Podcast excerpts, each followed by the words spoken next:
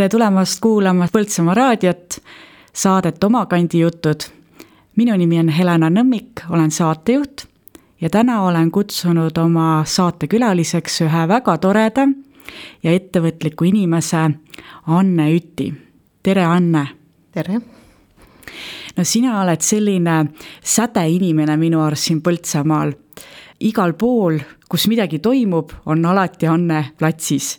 aga võime alustada sellest, et räägi kõigepealt sellest, et kuidas sa üldse siia Põltsamaa kanti oled sattunud, et kuidas see sinu lapsepõlv on siia sind kandnud no mina ei ole sattunud, ma olen lihtsalt ka siin Põltsamaa linna külje all lausa sündinud, aga kusagil viiendast eluaastast eh, olen ma linnakodanik nii-öelda, isa hakkas oma perele linna maja ehitama.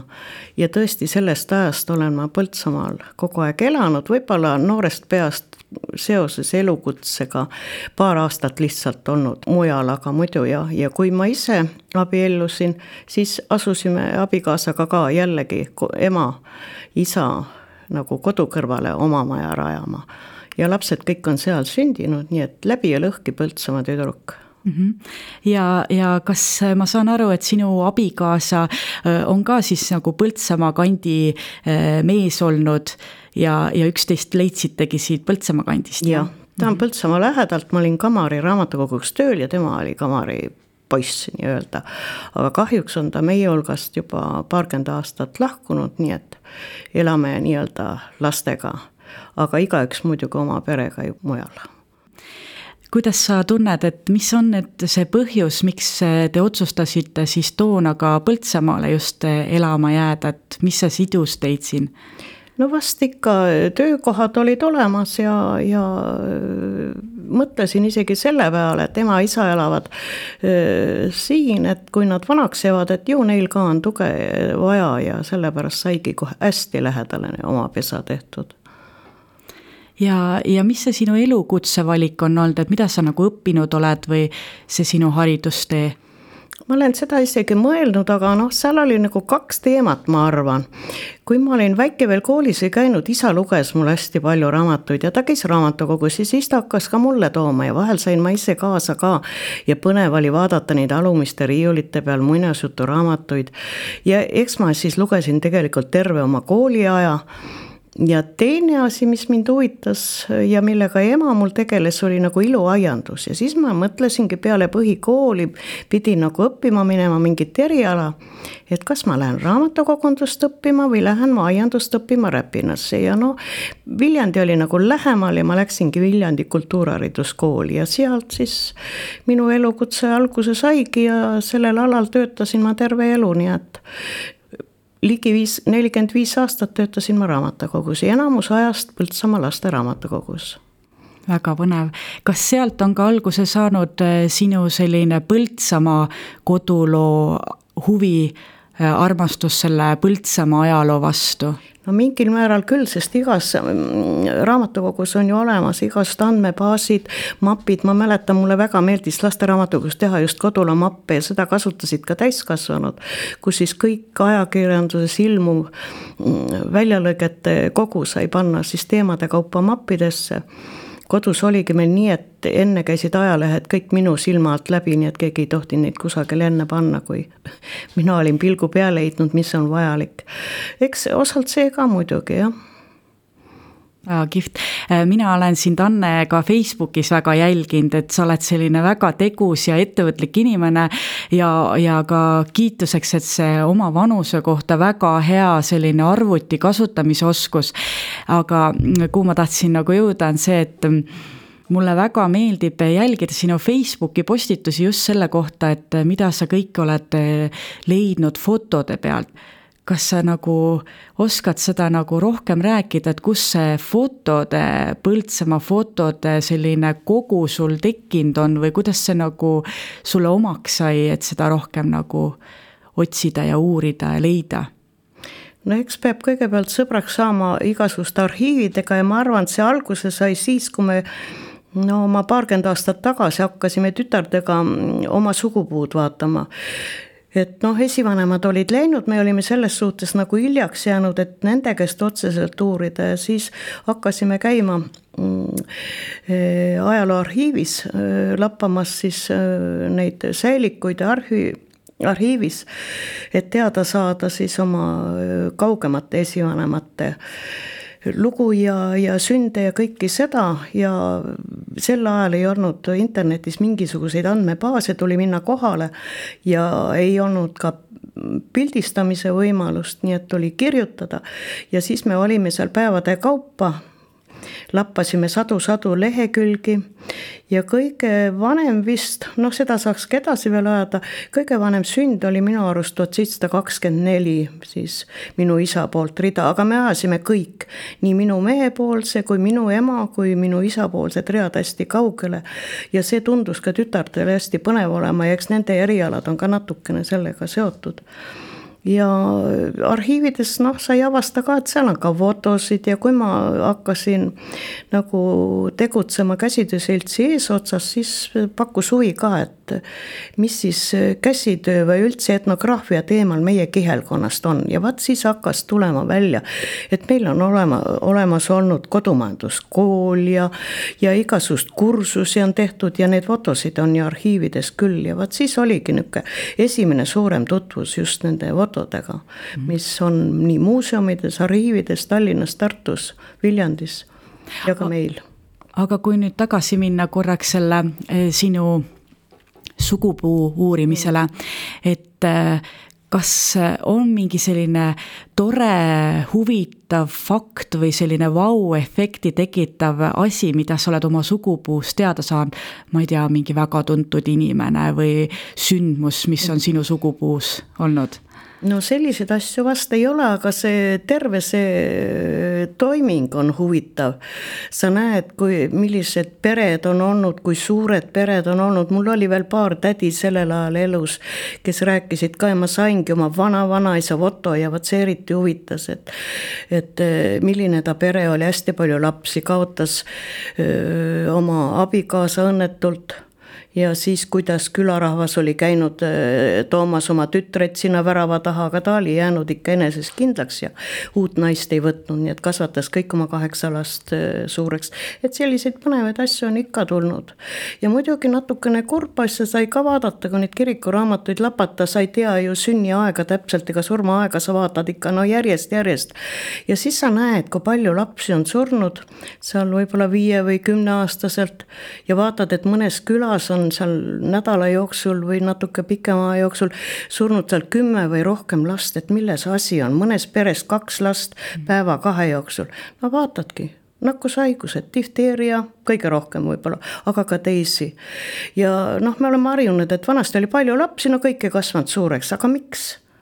et nüüd võiksime ka sellele mõelda mm. -hmm. et mis nende vanemate süda pidi ütlema, kui nii et Tões ja õiguses see laste suremise koht, see ei ole väljamõeldud lugu, nii on olnudki mm. -hmm et noh, et sealt sugupuu uurimisest näeb kõiki ja muidugi noh, näed, mis siis kellegi elukutse on olnud ja ja kes on siis olnud puussepp ja kes on talu pidanud ja kuna sa, Anne, oled selles valdkonnas väga, äh, mulle tundub väga pädev, äh, just see arhiivides uurimisega ja kõik see sugupuu ajamine, et kas on sul tekkinud sellist olukorda, et tuleb mingi lähedane inimene, mitte sinu sugupuust küll, ja ütleb, et Anne, aita mul sugupuu korda teha, et ma olen ka huvitatud, aga et puuduvad sellised teadmised või oskused, kus nagu materjale leida? eks ikka on, eriti siis jah, kui kui ei saanud kodus diivani peal seda teha ja sealt otsida, muidu kõike ei saa sealt, aga noh, paljusid asju küll.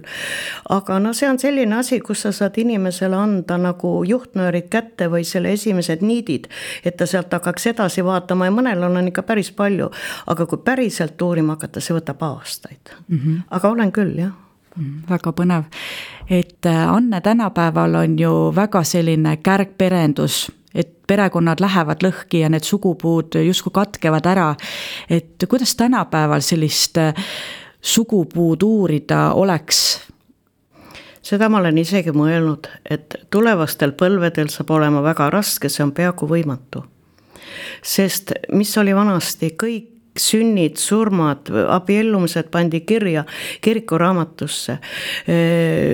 alles tuhat üheksasaja kahekümnendatel aastatel tuli kord, et, et sünnid registreeritakse omavalitsuses, aga varem oli ainult kirikuraamatutes ja need on väga täpselt täidetud et no sealt saab, aga noh, tänapäevast asja vist ei suuda, nii et olge head inimesed, pange kohe kirja siis on järglastel kergem. jah, väga hea mõte, et kes soovib oma sugupuud ikka äh, kohe kätte täiendada saada, täiendada praegu, kohe jah, just. ja sa oled valinud lauluks täna, me kuulame kolme Anne lemmiklaulu ja esimeseks lauluks me kuulame koos teiega Ott Leplandi kodulaul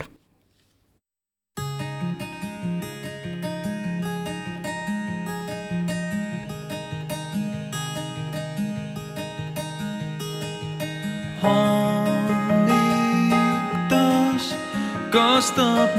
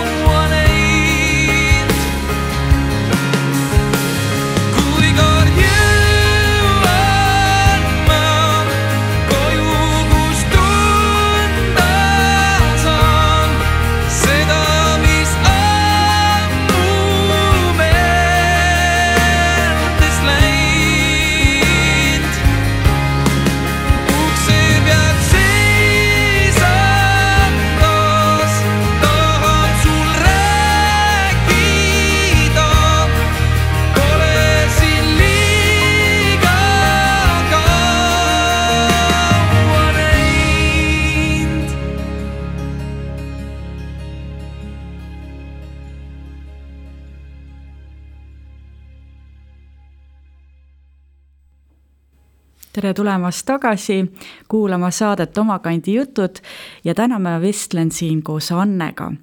ja siin alguses rääkisime väga palju Anne sellist sugupuu uurimist, aga kuidas, Anne, sa oled jõudnud siia Põltsamaa uurimiseni, et mis sind nagu köidab siin selle Põltsamaa ajaloo kohta?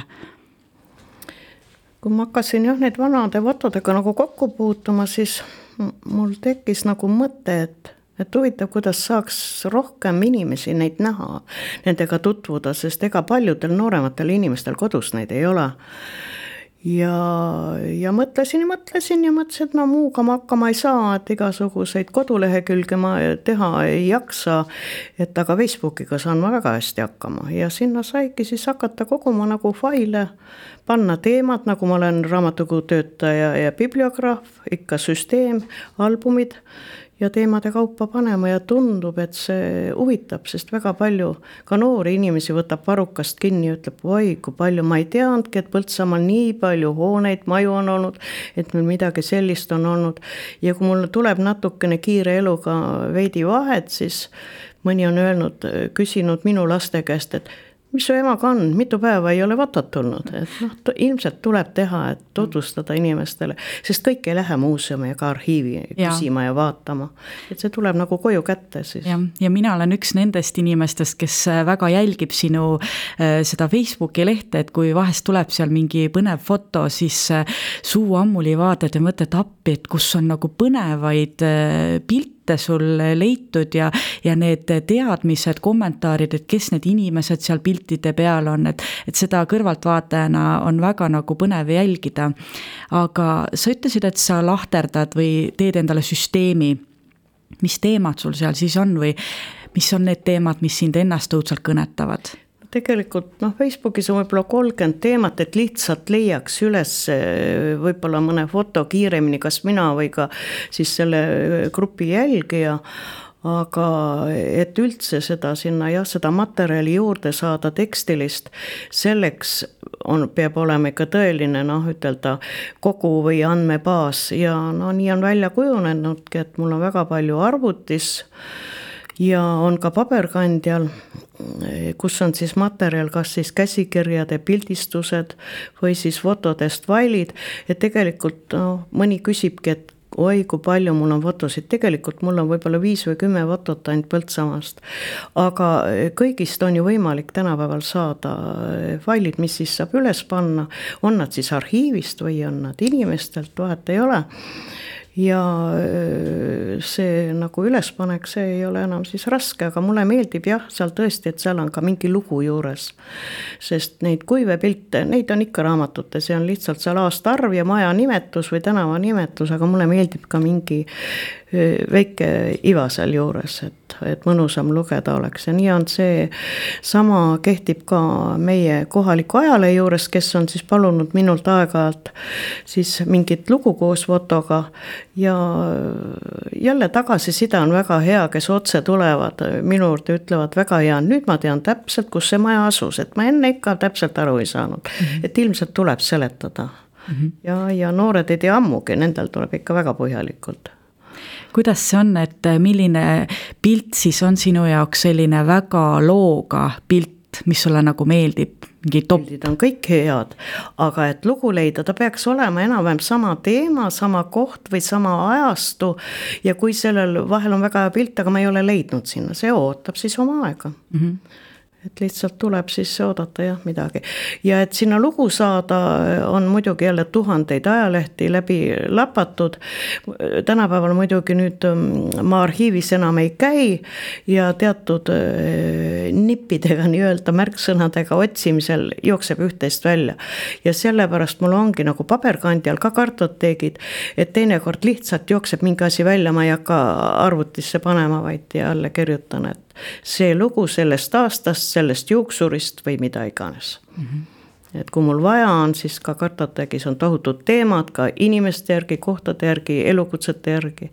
et leiaks ruttu, nii et ma olen suutnud oma andmebaasiga aidata ka kohalikke, kas ta on siis ajaleht või, või, või mingi omavalitsuse töötaja. et ruttu leida siis õiget infot et noh, kindlasti on meil kodudes, noh, ma ise isiklikult tean, et mul on selline karp, kus on hästi palju vanu fotosid ja mõndasid pilt, pildidel tuvastab ära ka nagu, et see on Põltsamaa ikka, mis siin pildi peal on.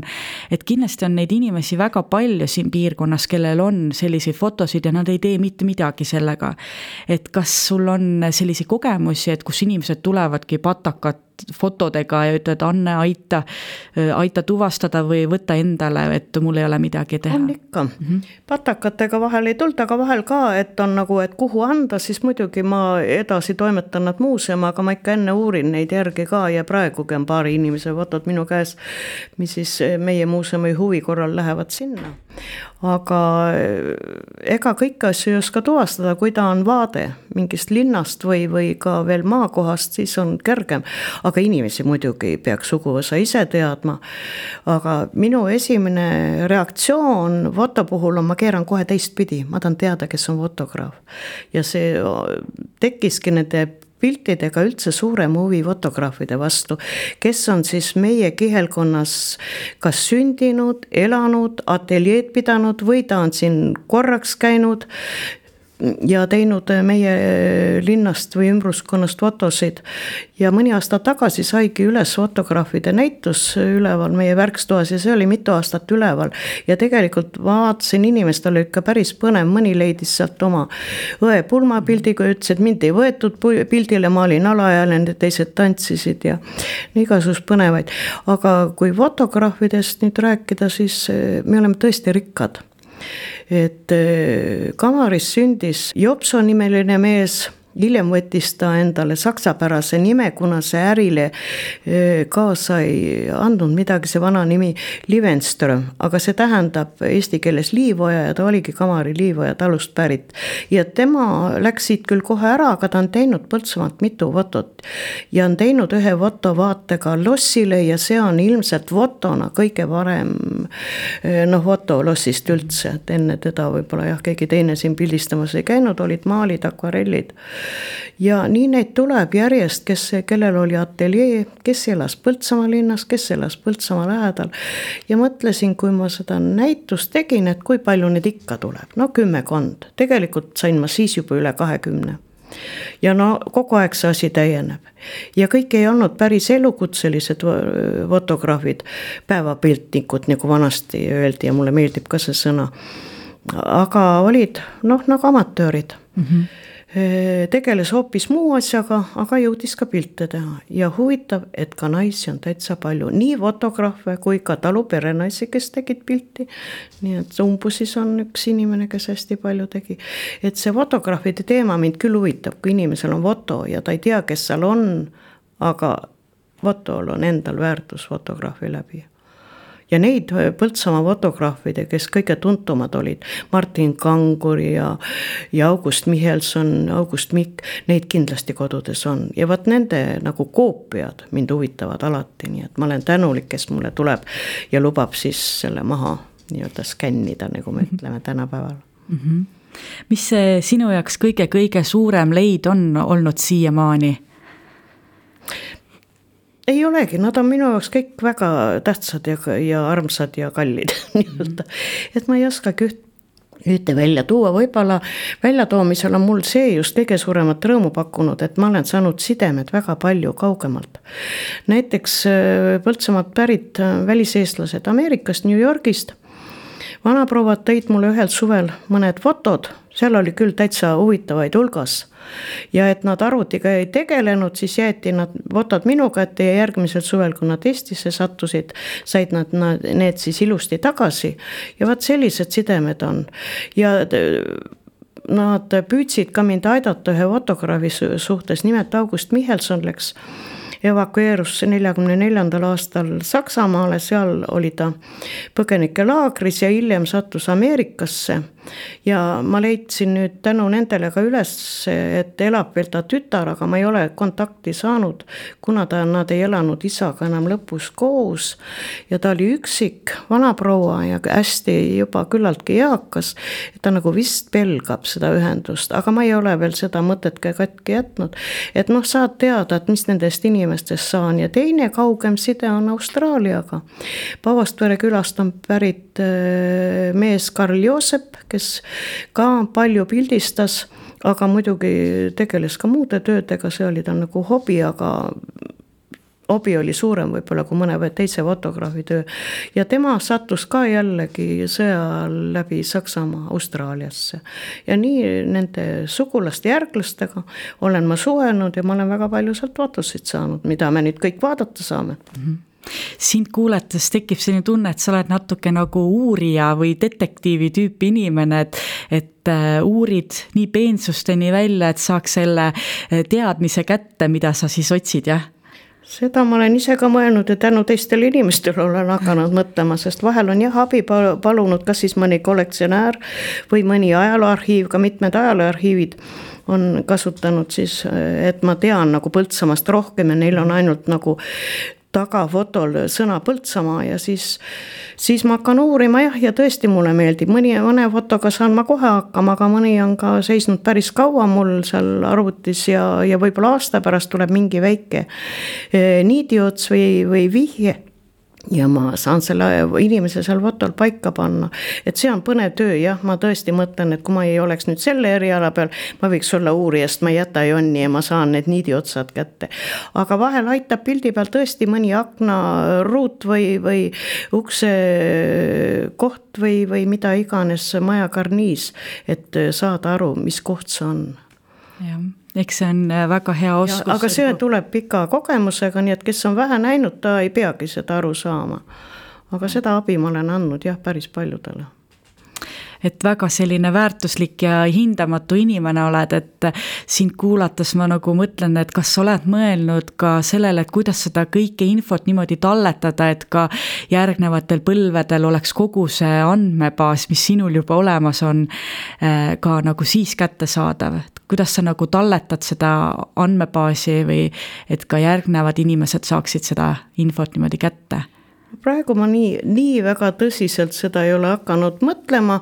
ma küll olen hoolas sellega, et ma ei hoia oma asju ainult arvutis ega ei hoia ka ühel väliskettal, vaid mul on nagu kolmes kohas, sest ma tean, mis tehnikaga võib juhtuda aga mis saab, ei tea, no ma veel arvan, et ma saan veel tükk aega veel sellega tegeleda, aga kindlasti peab mõtlema selle peale et mis tast eh, tulevikus saab, sest ta on jah, ikka mingi tarkuse kogumik kuidas sa oled selliste oksjonikeskkondades eh, tuhleja, eh, käid sa seal vahest vaatamas, et oi kui põnev leid või, või on sul sellist?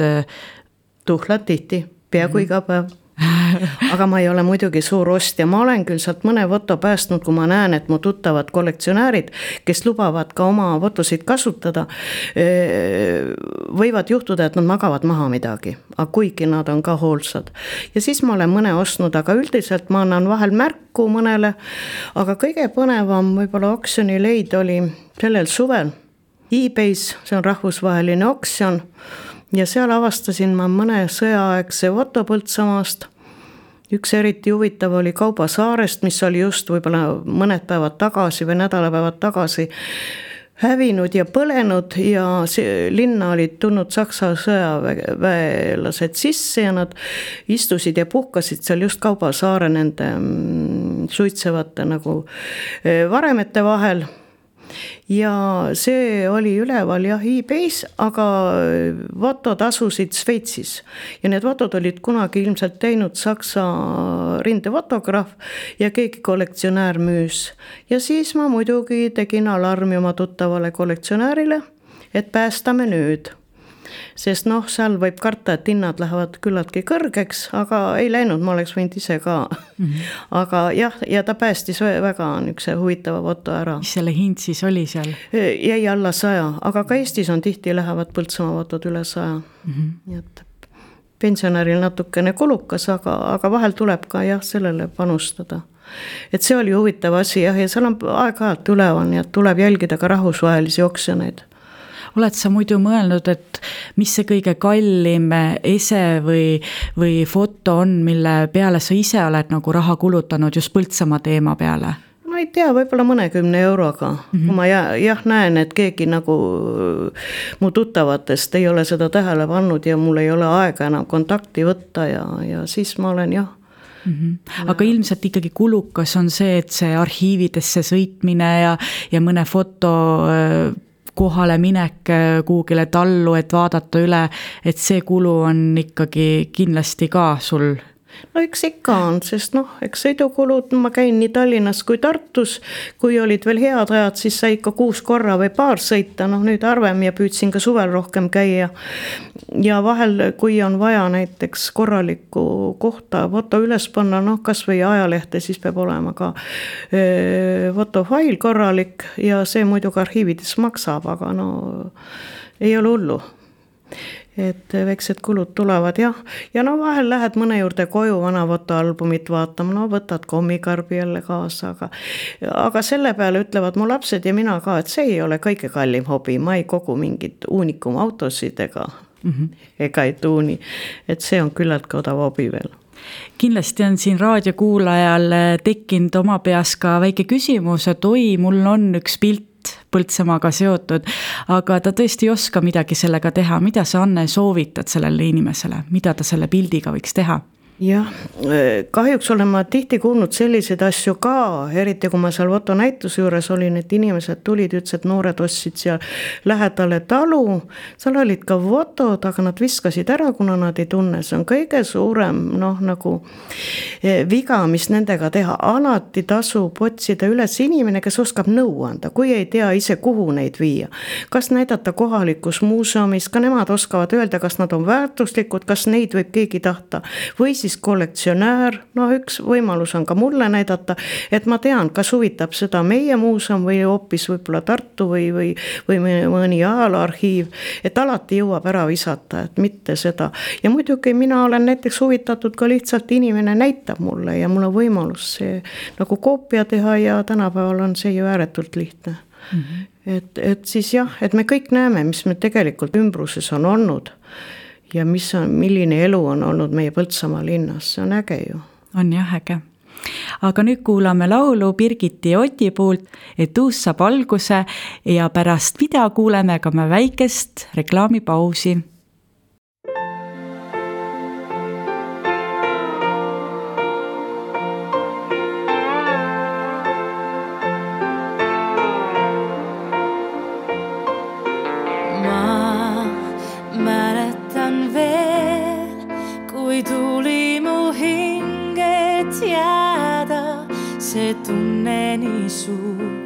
samas nüüd seisan ma teel, vaadates südame sisse, seal viliseb tuul, aga tean, ma tean, kõik võib muuta heaks, iga uks, mis kord sulgub, see avaneb taas.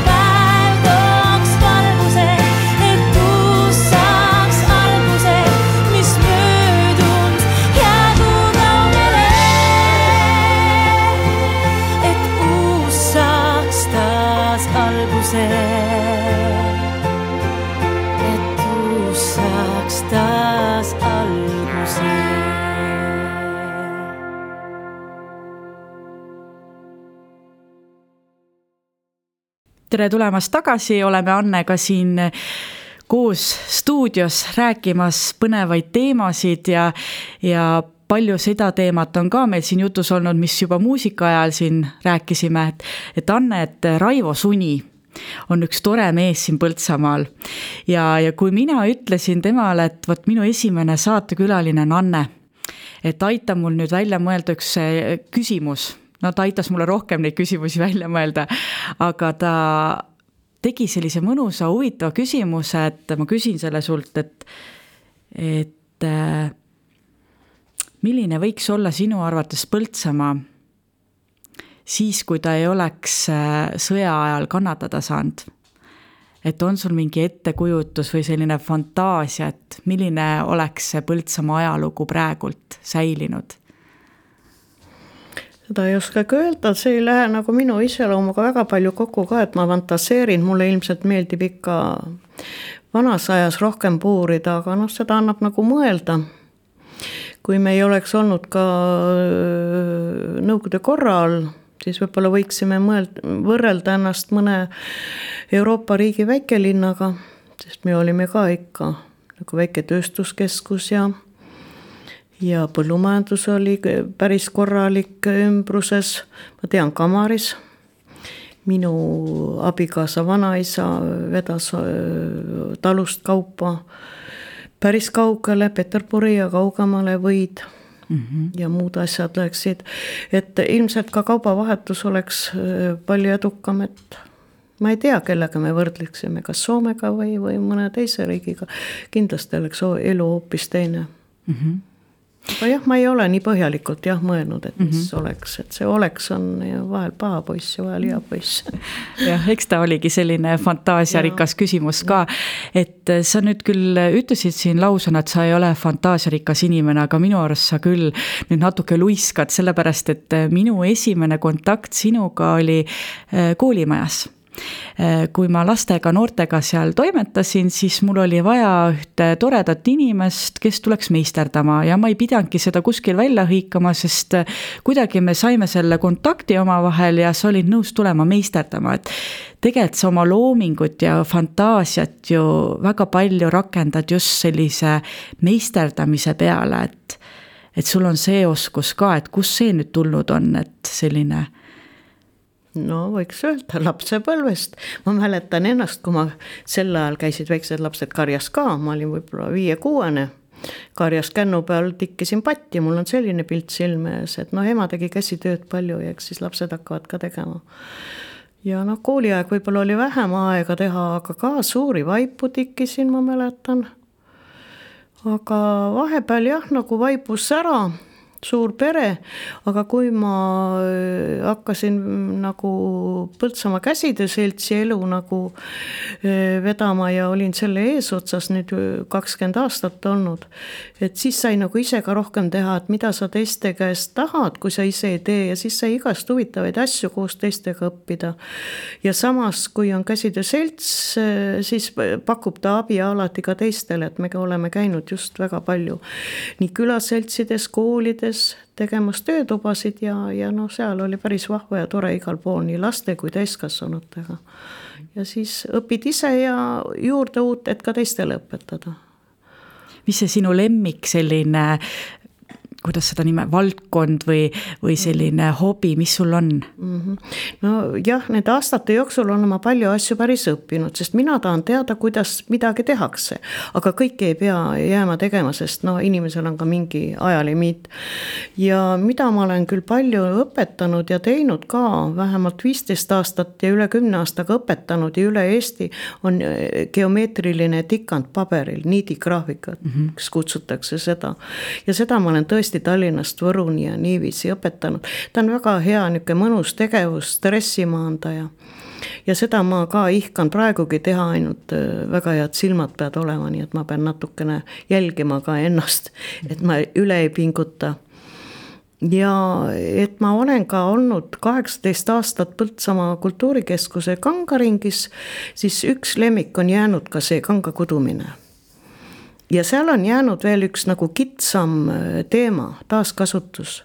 ma olen ehtne taaskasutususku paljudes asjades, aga ka kanga kudumises, nii et ma oma kaltsuvaibad koon kõik sada protsenti taaskasutatavast materjalist, sest need ei pea minema tõesti kõik prügimäele.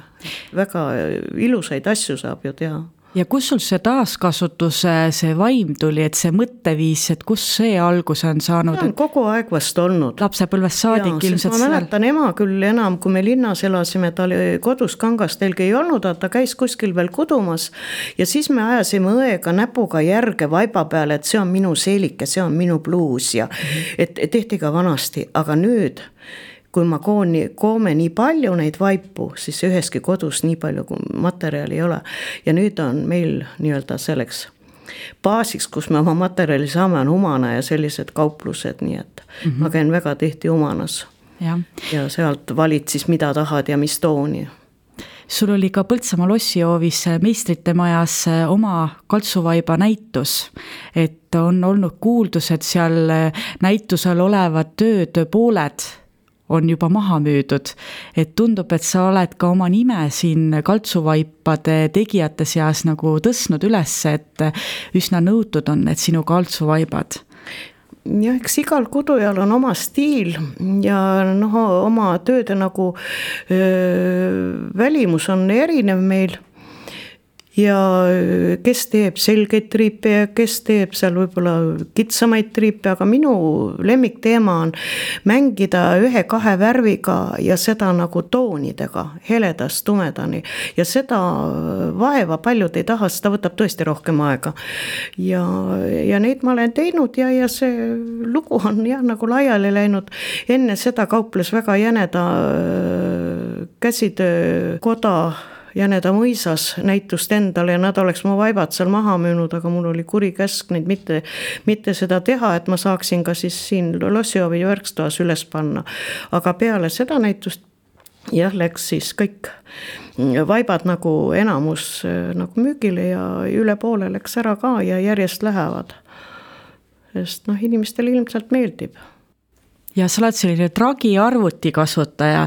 ilmselt sa kõiki neid tehnikaid ja neid oled ka arvuti vahendusel väga palju nagu uurinud ja uusi tehnikaid õppinud ja et et ma ei leia nagu väga palju inimesi, kes nagu oleksid nii püüdlikud arvutikasutajad, et ei jää nagu sina kuidagi hätta sellega, et, et kindlasti on inimesi, kes sulle ütlevad, et sa oled nii tubli ja tegus selline no ma olen püüdnud hakkama saada, jah, mul on omal üks lemmiklause huumoriga, et mul on arvuti eh, tähtsam kui supilusikas, vahel ununeb söömine ära, aga ilma arvutita ei saa jah, sest mõni noh, minuealine või natuke nooremgi ütleb, mul ei ole aega, mind ei huvita. ma ütlesin, et mul ei olegi ta mingi mängukoht, ma ei ole elus ühtegi mängu mänginud, ta on mul tööriist, töövahend. Ja eh, kui ma teen hommikul kohvi, siis teen ka arvuti lahti ja ta on tõesti mul kogu aeg kakskümmend neli seitse nii-öelda, kui ma kodus olen. et eh, no kõik info tuleb sinna, kõik andmebaasid on seal, et eh, ei kujuta ette ja laste, lapsed, kui on kaugel, mul on väga hea suhelda, ma kuulen, arvuti teeb till-till, keegi tahab mind. üks küsib, kui palju jahu sellele koogile panna mm. -hmm. nii et väga mugav, ma ei pea helistama ja, ja eks jah, olen ka püüdnud arvutiga saada hakkama noh, tehnilise poole pealt ja ja olengi väga palju uurinud ja väga palju ka neid äpardusi ise ära likvideerinud, nii et väga hätta ei ole jäänud mm. -hmm. ja õppima peab, kui ma ei tea, kuidas ma teen mingit kuulutust või kuidas ma fotot töötlen või kõik on õpitav, uurima peab ja see jah, ilmselt mul sees on, et ma jah, uurija... pean teada saama, ma ei jäta järgi, ma olen kaljukits. jah, just, ma usun, et on äh, öid ja õhtuid, kus sa peensusteni äh, tahad teada saada, ennem ei suudagi magama jääda, kui oled selle fakti teada saanud, vähemalt sa tundud selline. jah ja., ongi õige, hiljuti oli Krodo kõrtsi teema mul.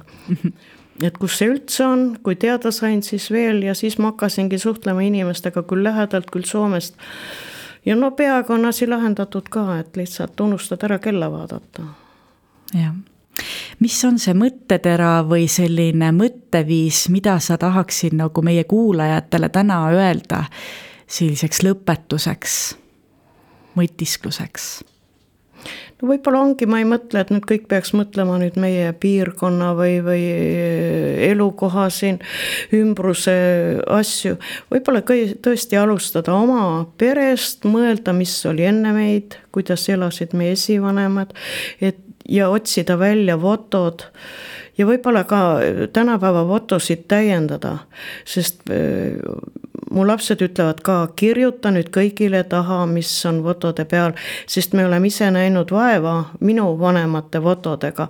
me näeme, et seal on mingi pulm, seal on kellegi matus vaat ei tea, et võib-olla tõesti vaadata oma albumid üle, et ka järgmistel põlvedel oleks kergem ja ise ka vaadata ikka vanemasse ja, ja õppida natuke seda vanemate inimeste tarkust sealt, vaadata, kuidas nemad hakkama said igasuguste raskustega väga hea mõte, aitäh sulle, Anne, täna siia saatesse tulemast.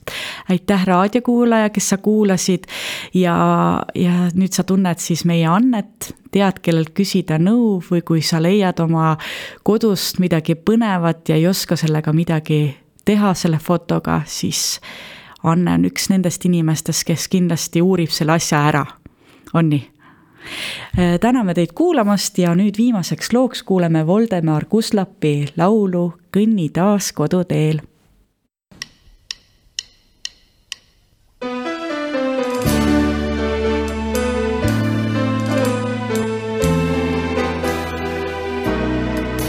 Nii kaua